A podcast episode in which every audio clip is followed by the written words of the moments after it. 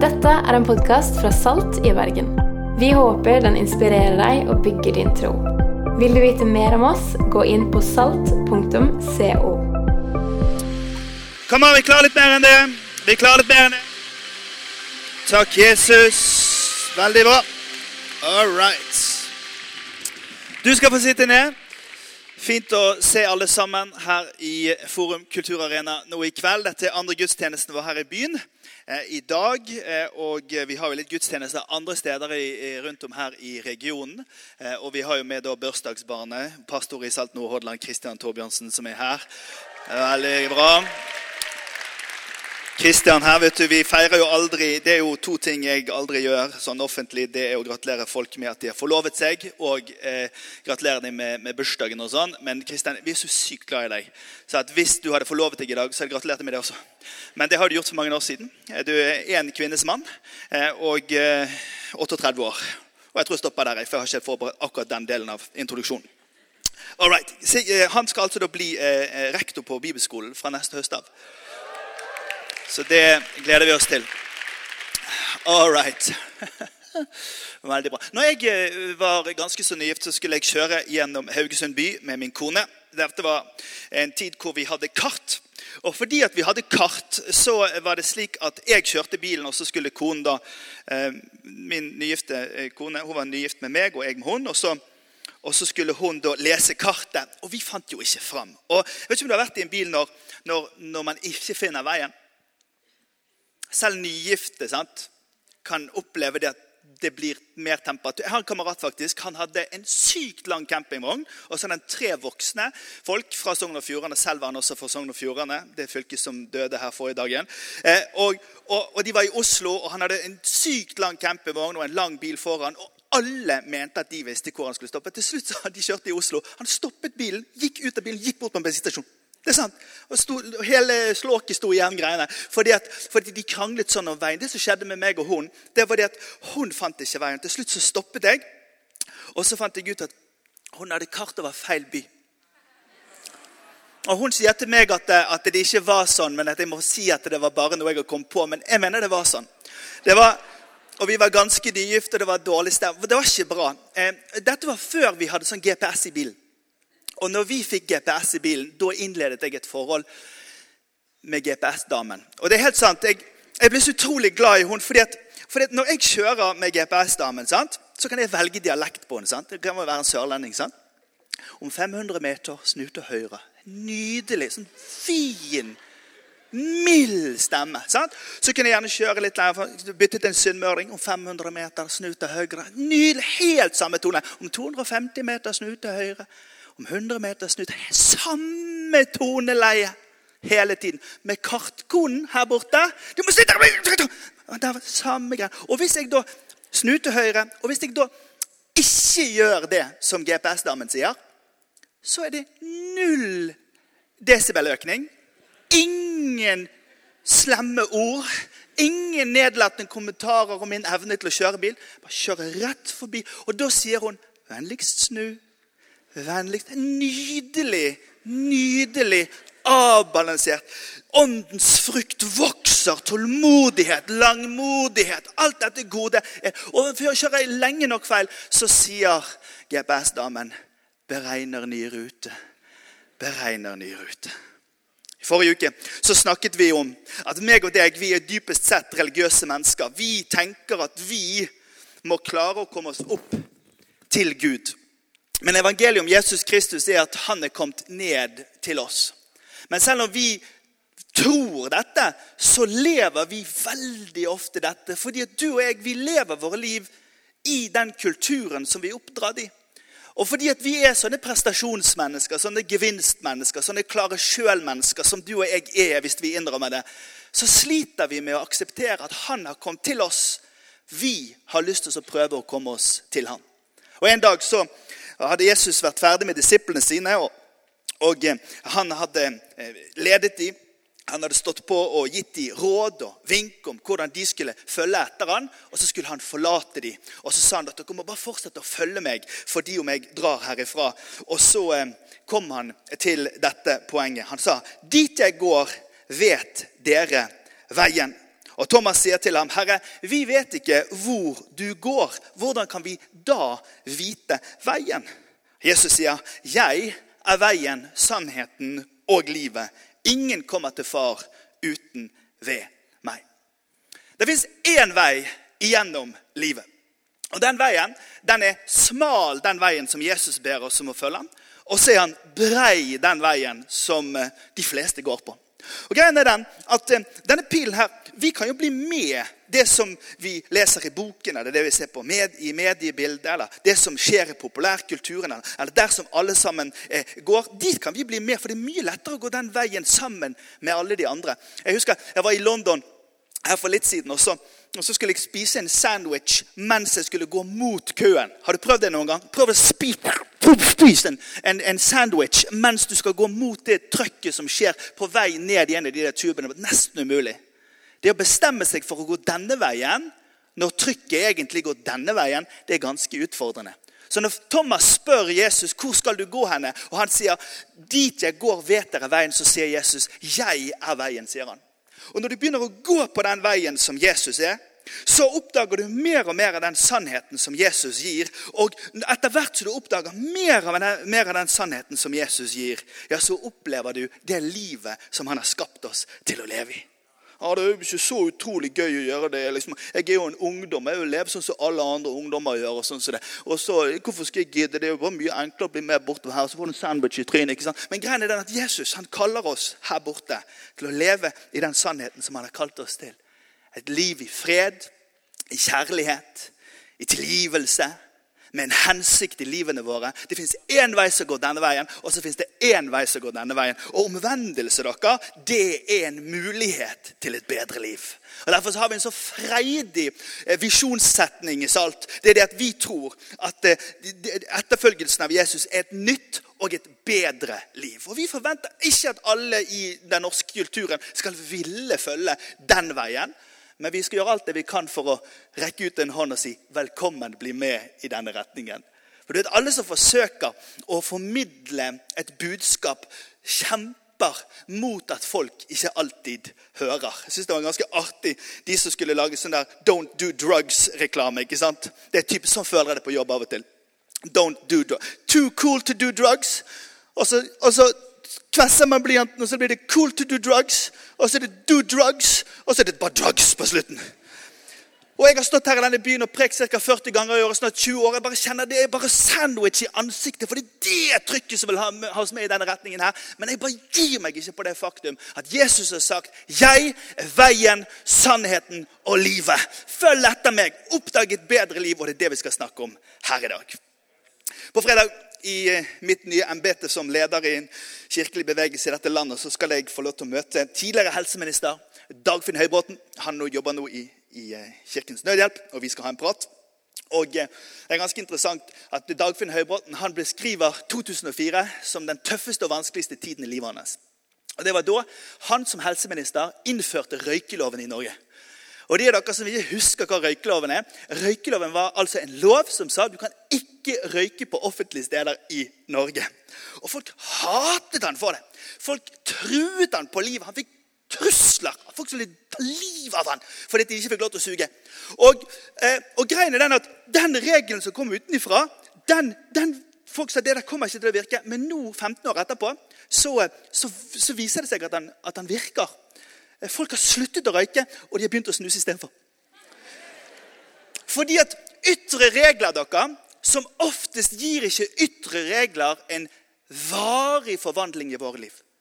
Og Derfor er det sånn at Når Jesus kommer for å bringe sin endring inn i vår verden, så kommer han ved å forvandle ikke bare opplevelsene våre, men han er her for å forandre det som er tankemønstrene våre, og det som handler om de ordene som vi tror på. Og Jeg sier til deg, jeg forventer ikke at du skal legge igjen hjernen din her ute i foajeen når du kommer inn i kirken. Og jeg forventer heller ikke at du skal legge vekk spørsmålene dine når du sitter med bibelboken din og har din personlige tid med Gud. Men jeg forventer at du tør å gjøre reisen fra hjernen til hjertet ditt når det gjelder ditt trosliv. For Jeg møter altfor mange mennesker her i dette landet som sier at fordi jeg ikke klarer å få to streker under svaret på den intellektuelle øvelsen av å finne sannhet, så sliter jeg med troen min. Men å tro dere handler ikke bare om kunnskap. Det handler også om kjennskap. Og I den sekulære virkeligheten som vi lever i, så tenker vi at det er et framskritt at vi er blitt så intellektuelle at vi, vi klarer å ta alt igjennom hjernen vår. Men jeg er usikker på om det alene er et framskritt. Jeg opplever at veldig mange mennesker som ikke finner to streker under svaret til slutt, får store problemer med det de holder på med. Men da skal jeg spørre deg et spørsmål til refleksjon.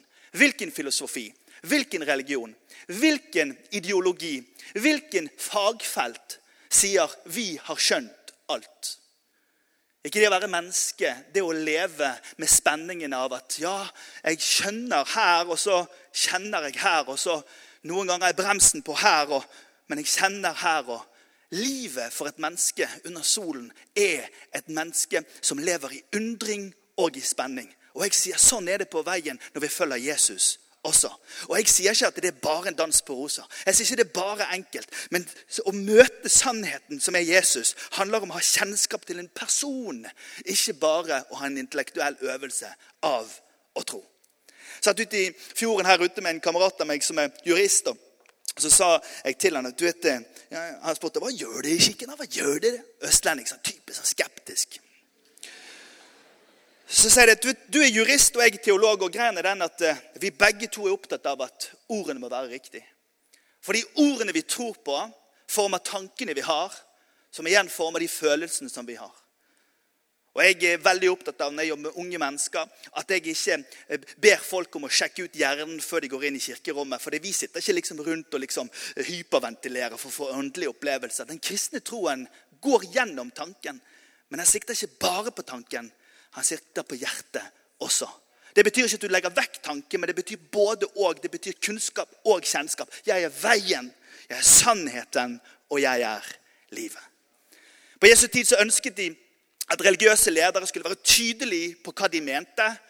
Og De fleste religiøse ledere på Jesu tid de kom med en klar oppfatning og oppmuntring til å følge regler rundt mat, rundt atferd, rundt forholdet rundt renhet, forholdet til det andre kjønn, forhold til, til fattige, forhold til de folk som var syke. Det var sykt med regler. Men Jesus kom uten atferdsregulering med en revolusjon til vår verden gjennom de ordene som han skulle gi til oss. Og Han forteller i Markus kapittel 4. Hør, sa han. En mann gikk ut for å så. Og Da han sådde, så falt noe ved veien, og fuglene de kom og tok det.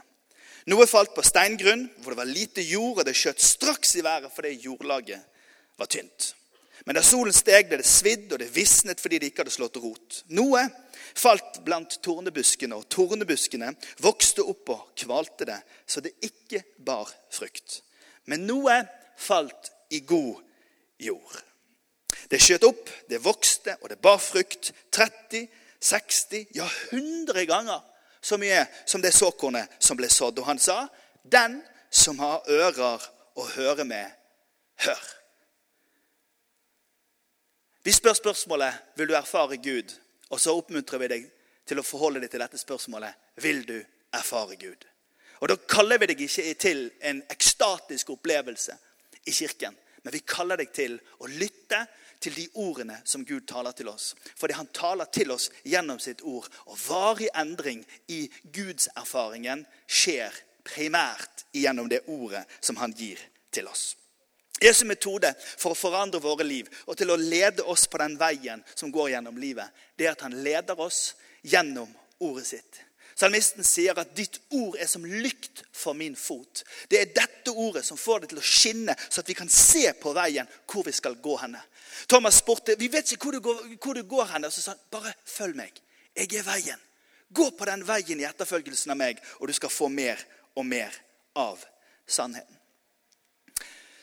Dette er jo ingen luthersk kirke. Vi har stor respekt for den lutherske kirken. Og vi har stor eh, respekt også for store deler av den teologien som danner den lutherske eh, teologiske forståelsen. Noe som de gjør den lutherske kirke, som vi ikke gjør i vår kirke, i hvert fall på en jevnlig basis, det er at vi har synsbekjennelse.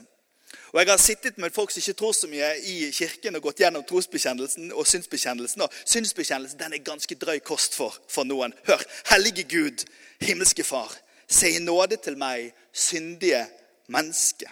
som har krenket deg med tanker, ord og gjerninger, og kjenner lysten til det onde i mitt hjerte. Altså Hvis du er en sekulær nordmann og du sitter i benkeraden en eller annen plass, og så sier du at det, det står ikke så veldig bra her inne, så er det en ganske negativ bekjennelse for de fleste. Et av våre barn hadde vært i en konflikt med noen andre barn, og Gina og noen andre mødre var til stede i en mekling, og det var ganske fluenes herre, noe av det som hadde skjedd akkurat i den situasjonen. Og så var det en av mammaene som foreslo at det er jo ingen av disse guttene som mener noe vondt. De er jo gode på bunnen, alle sammen. Og da sa min kone Da var hun lutheraner i det øyeblikket. Nei! Dette er pur ondskap! Og Jesus var ikke stort annerledes sjøl. Hør på hva Jesus sier i, i Markus 7. Da. Hør på dette. Nå er det Jesus som sier det, så ikke skyt meg. Det som går ut fra et menneske, det gjør mennesket urent. For innenfra, fra menneskehjertet, kommer onde tanker, hor, tyveri, mord, ekteskapsbrudd, grådighet, ondskap, svik, utskeielser, misunnelige øyne, spott, hovmod og vettløshet. Alt dette onde kommer innenfra og gjør mennesket uren. For er vi alle sammen her på at det står ikke så veldig bra til rent sånn teologisk med oss mennesker. For det kommer ut greier fra oss som egentlig tenker å være ganske så gode, som viser at her i bunnslaget av vår menneskelighet så fins det et fall som gjør at vi bare glir i retningen av der resten går. Så Derfor så tar det faktisk en liten effort å lene seg mot gruppepresset og bli med på veien og sannheten og livet. Og Det kom jo Mao og sa liksom at uh, les denne lille røde. Og det gjorde jo Lenin også. les denne lille røde. Og Revolusjonære gjennom hele verdenshistorien har jo kommet med sine paroler og sine paradigmer og sine lovtekster for å se om vi ved ord klarer å endre alle mulige.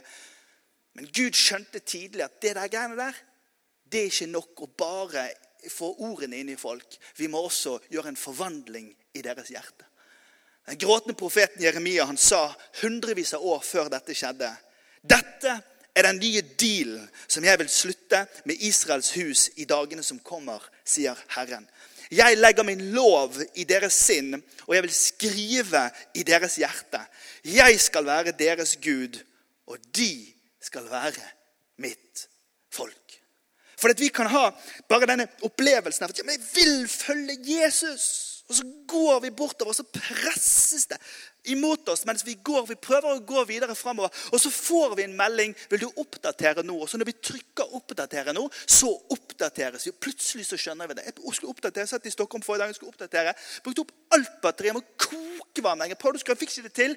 For jeg er så treig å oppdatere disse greiene. Jeg mener disse eplene skal klare seg sjøl. Jeg klarer ikke det sjøl. Jeg er nødt til å gjøre litt mens jeg går på denne veien oppdater. Og det er det Den hellige ånd gjør i livene våre. Vi går på denne veien, men vi tviler litt. og Vi har noen spørsmål. og Vi lurer på har vi, har vi, mistet, har vi mistet retningen nå. også? får vi litt troskrise, og så må vi høre på en podkast. Og så er vi litt enige med de som er helt uenige, og så er vi enige med de som er helt, helt, helt uenige. Og så er vi vekke en stund, og så plutselig er vi tilbake igjen fordi at han beregner en ny rute. For det handler ikke bare om tankens retning. Det handler om at han skriver i vårt hjerte for å lede oss gjennom livet. Jesu revolusjon i verden kommer til de som gir sitt øre til oppdater noe. Som gir sitt øre til at det er en sammenheng mellom responsen vi gir, og resultatene som vi får i livene våre. Liknelsen om såmannen, som det står i Barnebibelen, skulle vel egentlig hett liknelsen om de ulike jordsmonnene'. Og den første barrieren, det er barrieren av null respons. For de av dere som har reist i Afrika eller Asia eller Syd-Amerika, der hvor, hvor, ikke fullt så bemidlede mennesker driver jordbruk, så er det alltid sånn at det går en sti mellom åkerlappene. Det var der den første frøene landet. Det var knallhardt, og det var ingen respons for det som ble sådd. Jesus opplevde det sjøl i Markus kapittel 3, kapittelet før her. At Han var i en synagoge, og en mann hadde en vissen hånd. Og Regelen var sånn at du skal ikke helbrede de syke på sabbaten. Men Jesus tenkte det blir bråk hvis jeg helbreder han, men han vil fortsette å ha det vondt hvis jeg ikke helbreder han. Så fordi Jesus er Jesus og har et større hjerte for menneskene enn han har for reglene, så helbredet han mannen. Og umiddelbart så ble de religiøse lederne sinte på han fordi han brøt en regel. Og Når Jesus forteller liknelsen om jordsmonnet, så er det hans egne erfaringer av motstand han forteller om. Han forteller historien om at noen folk de er så harde i hjertet sitt at de vil ikke høre engang. Den andre barrieren er barrieren av det som faller Det er barrieren av det som eh, faller eh, Det som faller på steingrunn, der jordlaget er tynt. Det får en rask respons, men etter en liten stund så visner det hen, og det blir ingenting ut av det. Det er oss som driver med kristent arbeid i Norge, vi er jo interessert i å finne ut var det bedre for 20 år siden, var det bedre for 30 år siden, var det bedre for 40 år siden. Og det som Den nyeste forskningen viser, er at det er like mange som er innom kristent barne- og ungdomsarbeid i dag i Norge som det var for noen tiår siden. Det er bare det at folk blir her kortere tid, og så forlater de gjerne miljøet med fortellingen om at det var greit nok, det, men det var bare det det var. Og Det er jo frustrerende for oss som driver med kristent arbeid i Norge, at folket er med en stund på denne veien her, og så plutselig så bør de bli med bortover her etterpå. Og En av de tingene som gjør at det greiene der skjer, det er mest sannsynlig, i hvert fall en av grunnene, at Norge er et utrolig konformt land. Vet du, De som har forsket på konformitet og sosial kontroll Noen hevder at Norge er, har like mye sosial kontroll som sånne land som Pakistan. Fordi at Norge eh, har vi en likhetstanke som er så høy, og som presser oss til å være ca. sånn som alle de andre hele tiden. Og Dette har økonomer og eh, politikere og sosialantropologer vridd seg altså, De lurer fett. Hvorfor i all verden er det sånn? Vi som er så frie, vi som er så nye, vi som er så individualistiske, litt sånn som de guttene som jeg viste bilde av her for litt siden, fra Asker og Bærum Budstikke fire gutter i helt lik parkas og helt likt hår som ble intervjuet om mote, og som sier at det er viktig da å finne sin egen stil.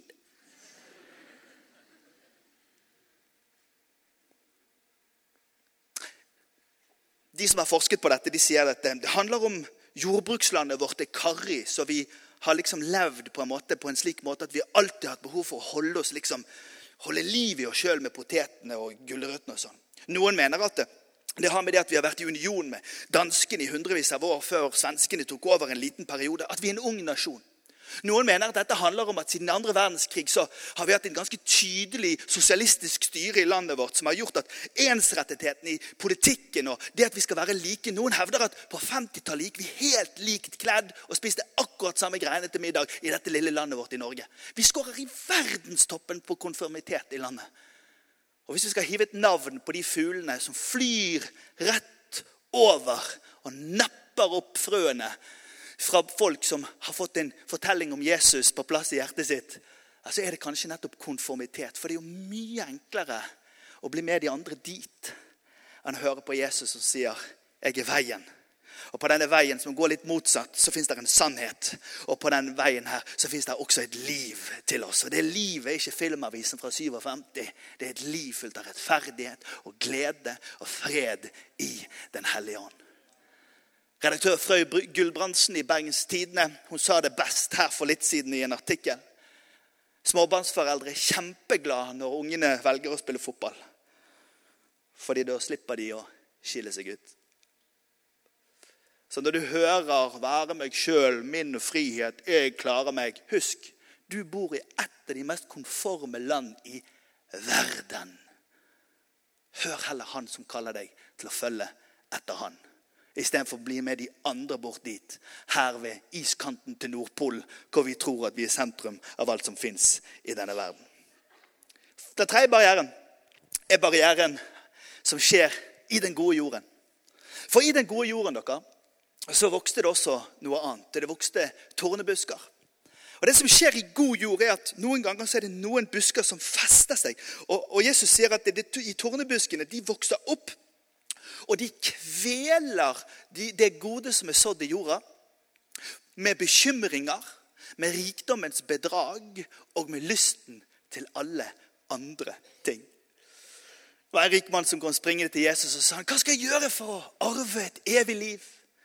Så sa Jesus, ja, du kan jo gå Ikke slå i hjel, og ikke bryte ekteskap, og hedre din far og din mor. og, og være allment grei. Og så, ja, dette har jeg gjort siden jeg var ung.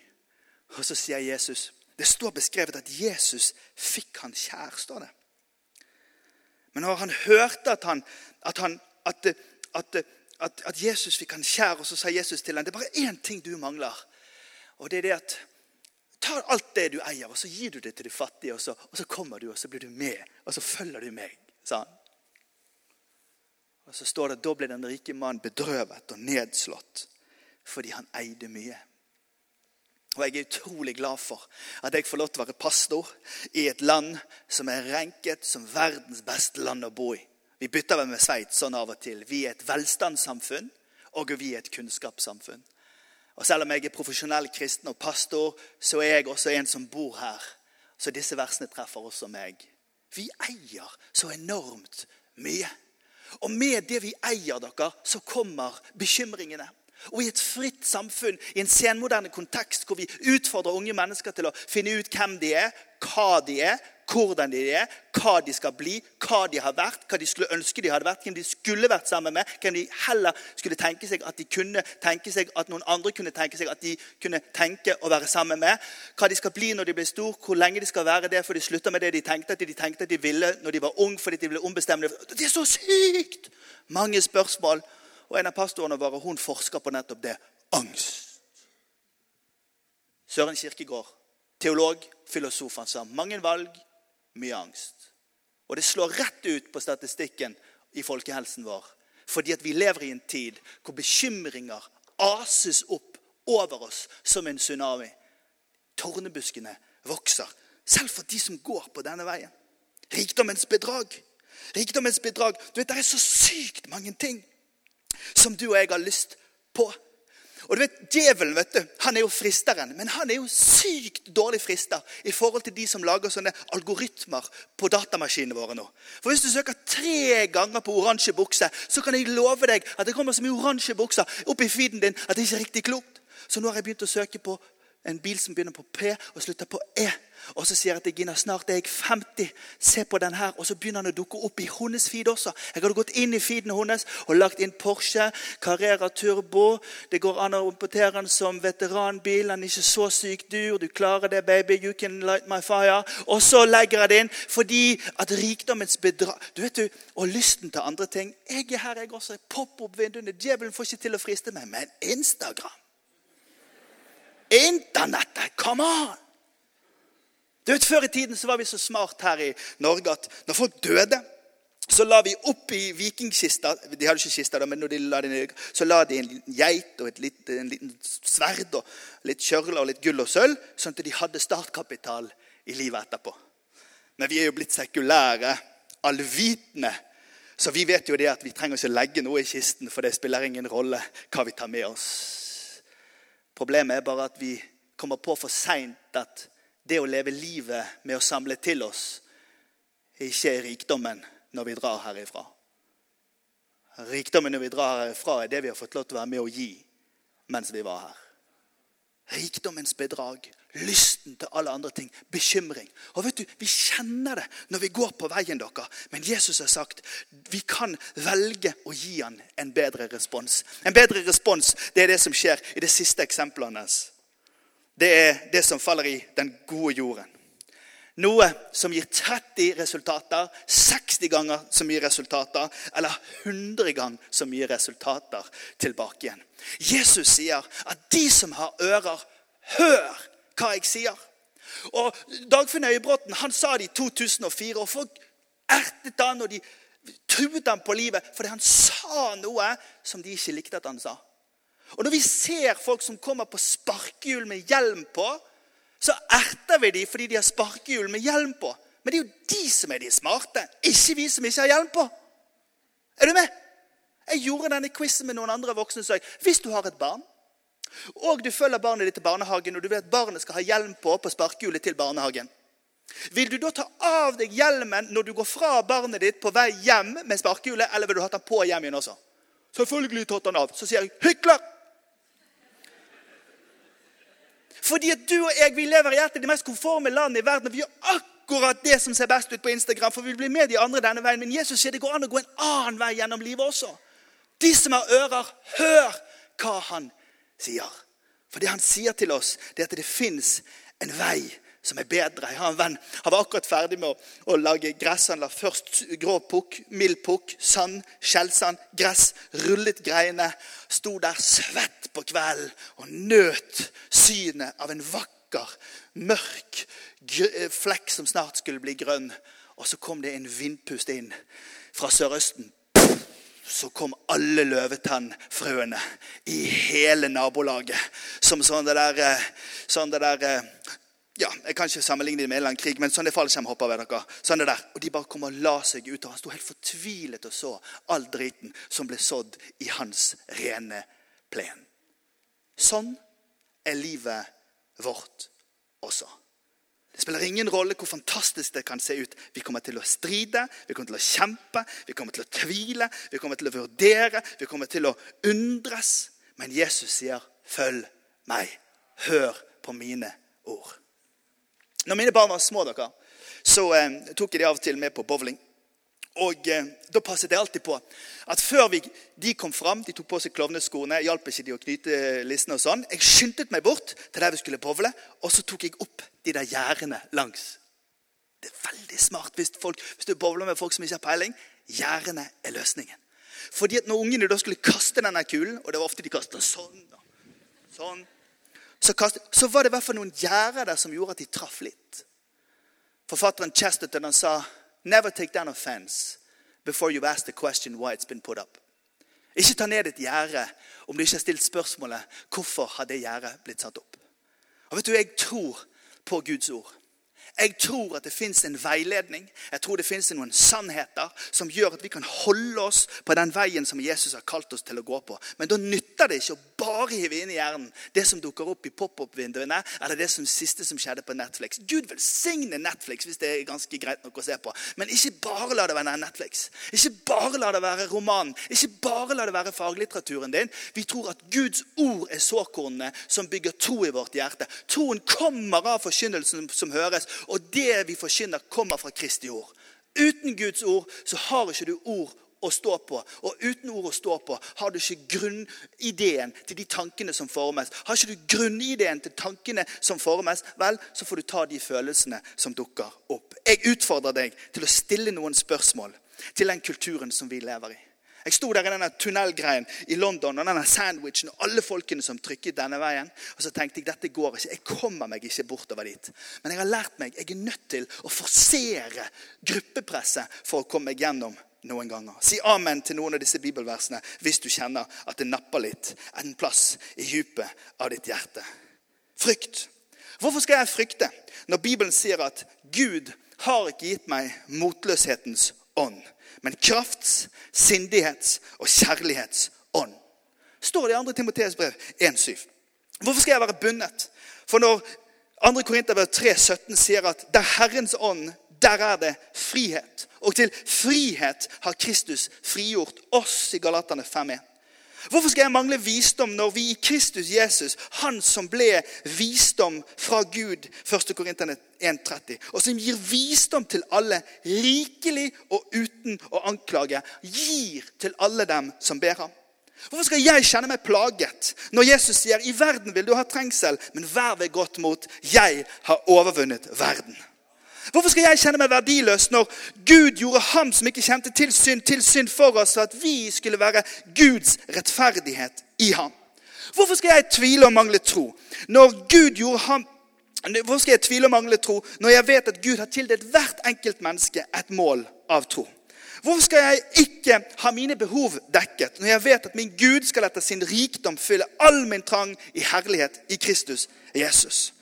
Hvorfor skal jeg akseptere nederlag når Bibelen sier Gud alltid leder oss til seier i Kristus Jesus? Hvorfor skal jeg tillate den onde skal bestemme over meg når det fins ingen fordømmelse for den som er i Kristus Jesus? Hvorfor skal jeg ha komplekser for min tro? For hvis Gud er for meg, hvem kan da være mot meg? Hvorfor skal jeg kjenne meg svak når Bibelen sier at Herren er min styrke, og at de av folket som kjenner sin Gud, de skal holde fast og holde ut? Hvorfor skal jeg si jeg kan ikke, når Bibelen sier at alt makter jeg i ham som gjør meg sterk? Hvorfor skal jeg bekymre meg når jeg kan kaste alle mine bekymringer på ham fordi han har omsorg for meg? Hvorfor skal jeg kjenne meg nedfor når jeg vet at det er ikke slutt på Herrens barmhjertighet, og at den er ny hver en morgen? Hvorfor skal jeg være forvirret når Gud ikke har skapt meg til forvirring, men til fred? At jeg ikke har fått denne verdens ånd men en ånd som er fra Gud, for at jeg skal kjenne det som er nåde er gitt meg fra Gud. Hvorfor skal jeg kjenne meg mislykket når jeg makter alt i ham som gjør meg sterk og elsker meg? Hvorfor skal jeg være utilpass når jeg kan si med Paulus at hvis Gud er for meg, hvem kan da være imot meg? Og Hvis du lurer på om jeg er ferdig snart, så er jeg det. Jeg er bare én gjeng. Hvorfor skal jeg noen gang føle meg alene når Jesus sa 'Jeg er med dere alle dager inntil verdens ende'? Jeg skal aldri forlate deg, jeg skal aldri svikte deg.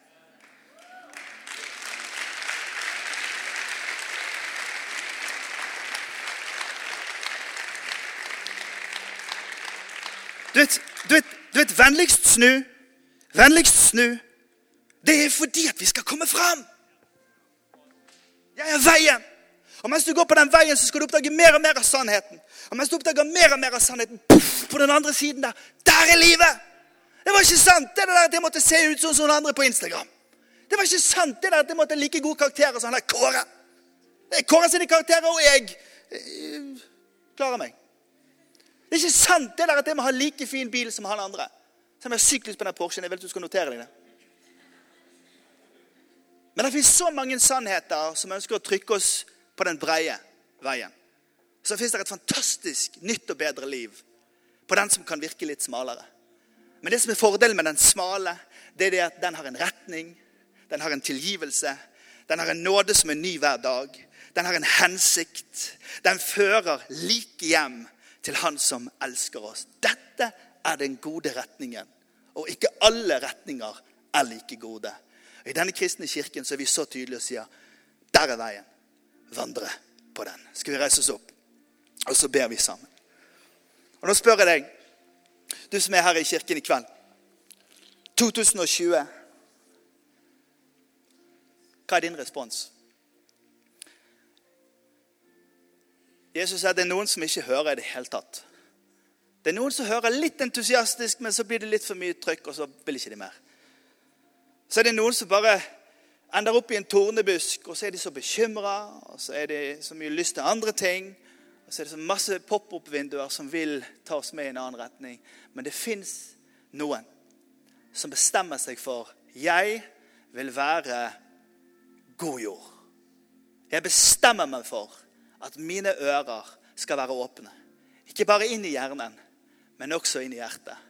Og så sier jeg, 'Herre, led meg'. Hvis det er din bestemmelse for det nye året, så vil jeg be en velsignelsesbønn over deg mens du løfter din hånd opp til Jesus. Og har du aldri løftet din hånd til Jesus før, så er det helt ufarlig. Og vi har til og med skrudd ned lyset for at du skal kjenne deg komfortabel med å gjøre. Strekk din hånd til Jesus hvis du tror det. Herre, vi takker deg for det som du sa til Thomas og Philip og guttene den dagen.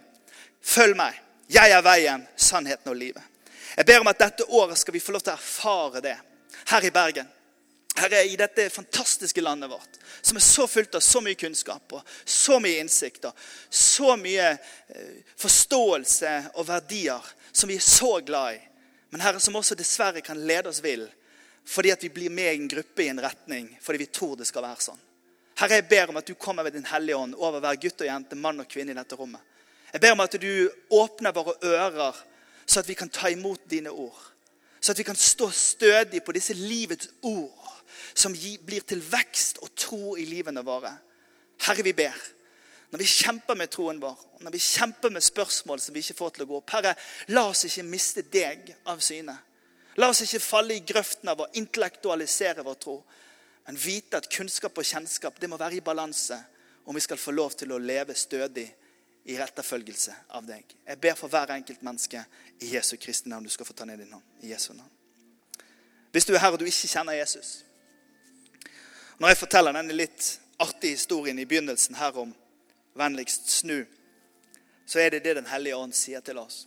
Hvis du har levd i kristen tro, men du har falt bort fra din tro Hvis du hadde en, en stund av en fling, en romanse med Jesus en gang før, men du har bare hoppet av eller om du aldri har kommet til tro på Jesus og levd med Jesus noen gang, så sier vi i denne kirken at vi vil si til deg hver eneste uke så sier vi det. Så det er ikke sikkert dette er din kveld. Men om Den hellige ånd kaller på hjertet ditt og sier 'vennligst snu', vennligst snu, så det kan dette være din kveld. Evangeliet om Jesus Kristus det at du får det ikke til. Evangeliet om Jesus Kristus det at dette klarer du ikke selv. Du skal få slippe å klare det selv. Han har klart det for deg.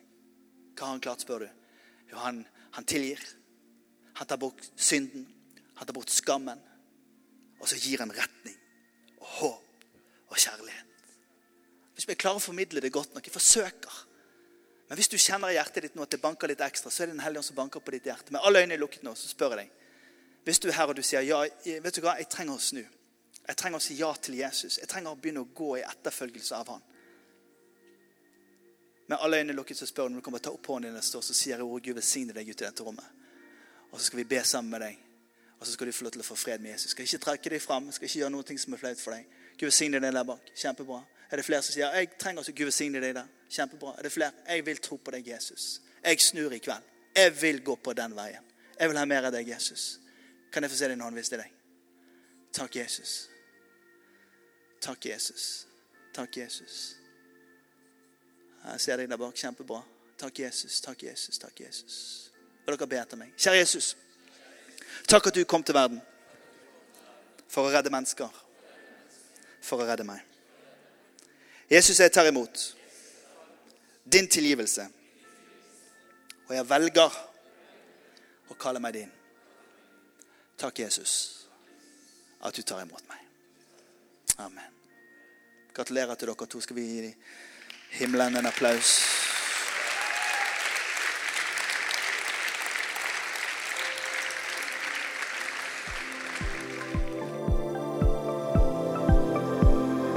Takk for at du har valgt å høre på denne podkasten fra Salt. Du er varmt velkommen til våre gudstjenester på søndag.